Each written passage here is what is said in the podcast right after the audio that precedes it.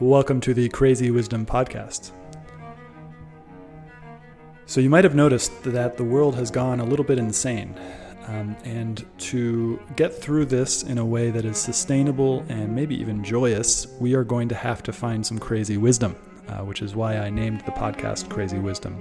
And I try to find guests who are both contrarian and right, uh, as well as people who can help us to understand how we can get through this period of both acceleration as technology accelerates and maybe even a little bit of darkness uh, as well as some of you may have been noticing. Really crazy stuff is happening right now. So, um, my goal with this show is to empower you with crazy wisdom uh, and give you the tools to figure out how to do it on yourself because we don't can't rely on too much these days. Uh, so, with that being said, if you like what I'm offering with this show, I'm on Twitter at Stewart Alsop III. My DMs are open. I'd love to hear from you about how this show has affected you. Thanks. Have a great day. Welcome to the Crazy Wisdom Cast. Today I'm going to do something a little bit different. I was in a conversation with someone on Twitter, and they mentioned that they'd never actually heard me talk about anything about my life. Uh, and it's not really intentional, but it's more that I've always been more fascinated by the lives of others because I'm pretty used to and uh, habituated to my own life. So I don't think it's that uh, interesting or noteworthy enough to uh, make a big deal out of it. Um, but there, I've done some interesting things in my life, and uh, I want to do a little bit of a solo podcast detour uh, as my motivation to interview other people has diminished um, not that I'm going to stop doing that. I definitely will be interviewing a lot more people. It's a very excellent way to learn and to get uh, free coaching, as they say. So, when I was younger, I always was interested in the rest of the world. I was always fascinated by different countries and different cultures, which makes sense growing up in the Bay Area, which is a very multicultural place. And so I heard stories of people in other countries. I, my best friend growing up was uh, ended up being a historian at Stanford, and we would always just kind of investigate the world um, and figure out what the hell was going on outside of this little paradise of uh, of the peninsula and the Bay Area. Um, and then when I was age 21, I started reading a book called China Inc. And there was a book about 20 years earlier called Japan Inc. that had gone into what Japan had done uh, in the 1980s and 1990s. And this was a book talking about what was going on in 2006 in China um, and about Shenzhen, a city that was a fishing village. And then all of a sudden, within 25 years, exploded into a city of, I don't know, 11 million people, 12 million people, something ridiculous like that. Um, and this was before a lot of people kind of realized what China uh, was going to do. And so I read this book and I was like, damn, I need to go see it. I need to go see China in person. Uh, and so I enrolled myself in a Chinese language program at Shanghai Daxue in uh, Shanghai. Uh, uh, you know, not not in like a really well known area of Shanghai. It was in like a uh, a very local town part of Shanghai and I lived there for a month. Um, and I had studied Chinese before going there, but then I was learning with a Chinese teacher who was from Taiwan, and their accent was very, very different.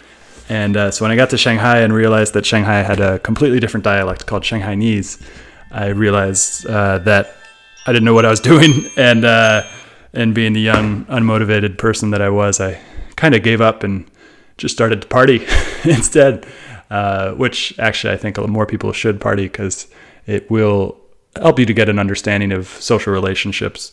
Uh, there's a lot, also a lot of downsides to it as well. So I ended up living in Shanghai and I was so naive. Let me see if I can come up with a story about how naive I was. Yeah, so I was walking in the middle of some big museum square area where a lot of tourists go. and then I was confronted by a couple, a Chinese couple who spoke good English. And they started to ask me questions about my life and, and, you know, and I thought they were really friendly. And, and I, I was, you know, just kind of like, I was a 21 year old kid. I was like, I don't, I don't know what's going on here. There's friendly people chatting me up. And uh, they invited me to tea to experience a traditional Thai or a traditional Chinese tea ceremony. I was like, oh, okay, yeah, that's a great story. I'm some random people on the street just offer me tea. They seem friendly. There's a couple, you know, I can trust them. And uh, so they take me into a shop, and we go into the shop and we have tea. Um, and they didn't. I didn't ask what the price was or anything like that. And of course, after the tea ceremony, they present me with like some ridiculous bill. Uh, I think it was probably like fifty dollars, sixty dollars for some tea. Uh, and then they started. Uh, uh, I, I, can't remember totally. It's been so long now, but they started to essentially say, you know, uh, this is a Chinese custom. This is how it is. This is what you've got to buy. This is uh, this is this is this is this is the deal, and essentially pressured me into into paying that money uh, as I did, of course.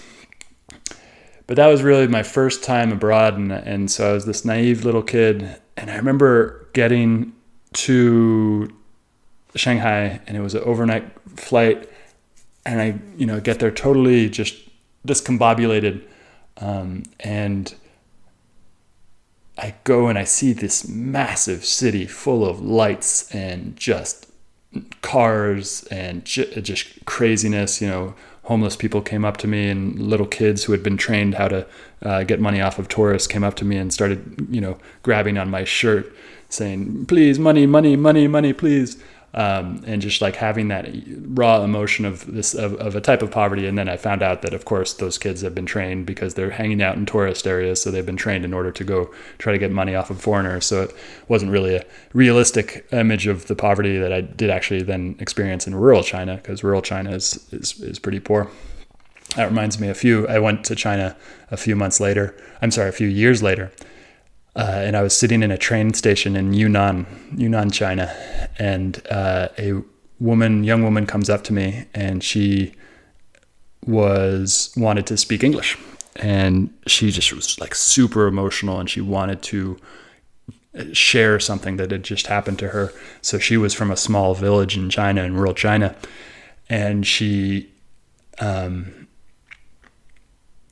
was in that small village, and her only way out was to take an exam that all Chinese people have to take when they're 18. And so you take this exam, and based on the results of that exam, you can go to a good university in, in China.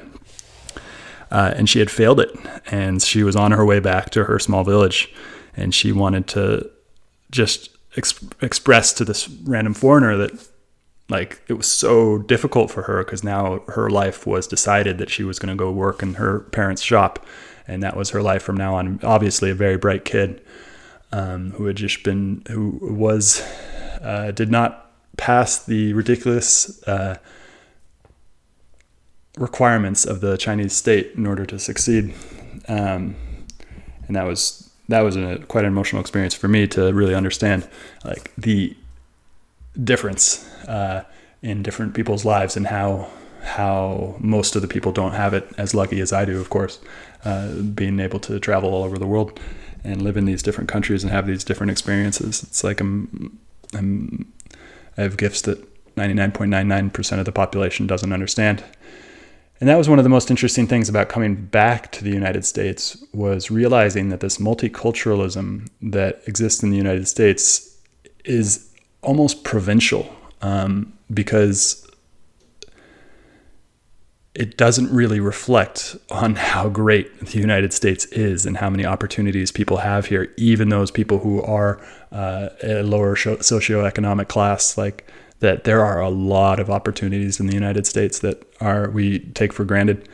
Um, and yeah, traveling kind of opened my eyes to what it was that that really exists in the rest of the world. And uh, like you know, the ten percent, twenty percent of the population is still in abject poverty, meaning no fucking running water, no um, uh, no, and I'm, don't quote me on that figure, but it's a large percentage of the population is still doesn't have running water, doesn't have electricity, uh, doesn't have basic basic human privileges that we in the United States do.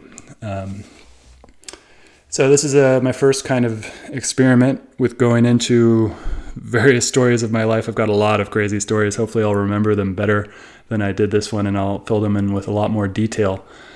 Um, uh, I've got a lot of great stories. Some of them probably will not be politically correct, uh, uh, and uh, we'll we'll see what comes out. Uh, but hope you enjoyed this, and let me know if you find this to be of interest and you want to hear more ridiculous stories from my life. Have a great day. Hope you enjoyed this episode. I'll be publishing episodes every Monday, Wednesday, and Friday in the morning.